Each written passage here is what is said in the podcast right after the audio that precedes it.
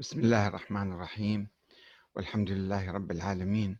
والصلاة والسلام على محمد وآله الطيبين. ثم السلام عليكم أيها الأخوة الكرام ورحمة الله وبركاته. ومرحبا بكم في برنامج أنت تسأل وأحمد الكاتب يجيب. هل أنت ضد فكرة المهدي عموما أم ضد شخصنة الفكرة؟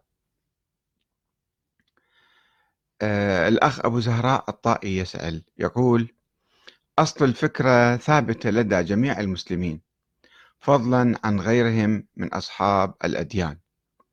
ولكنني أستشف من كلامكم إشكالكم حول مصداقية المهدي الذي هو أو يقصد يعني مصداق المهدي الذي هو من نسل الإمام العسكري. أم لديكم رأي آخر؟ تحياتي للجميع.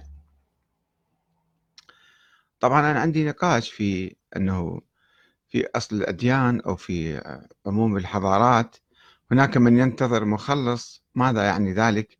وهل هذا حجة على المسلمين أن ينتظروا شخصا معينا ينزل من السماء مثلا؟ أم أن النبوة قد ختمت بالنبي محمد صلى الله عليه وسلم و آه، ما يجي واحد بعده عنده ارتباط بالسماع إنما الناس العاديين قد يكونوا مصلحين أو يصلحون الأمور. أما يجي واحد أعظم النبي محمد مثلا يغير العالم كله لا هذا مو صحيح.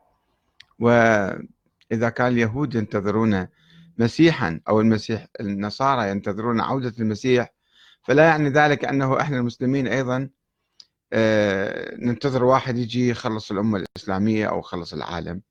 الله سبحانه وتعالى أعطانا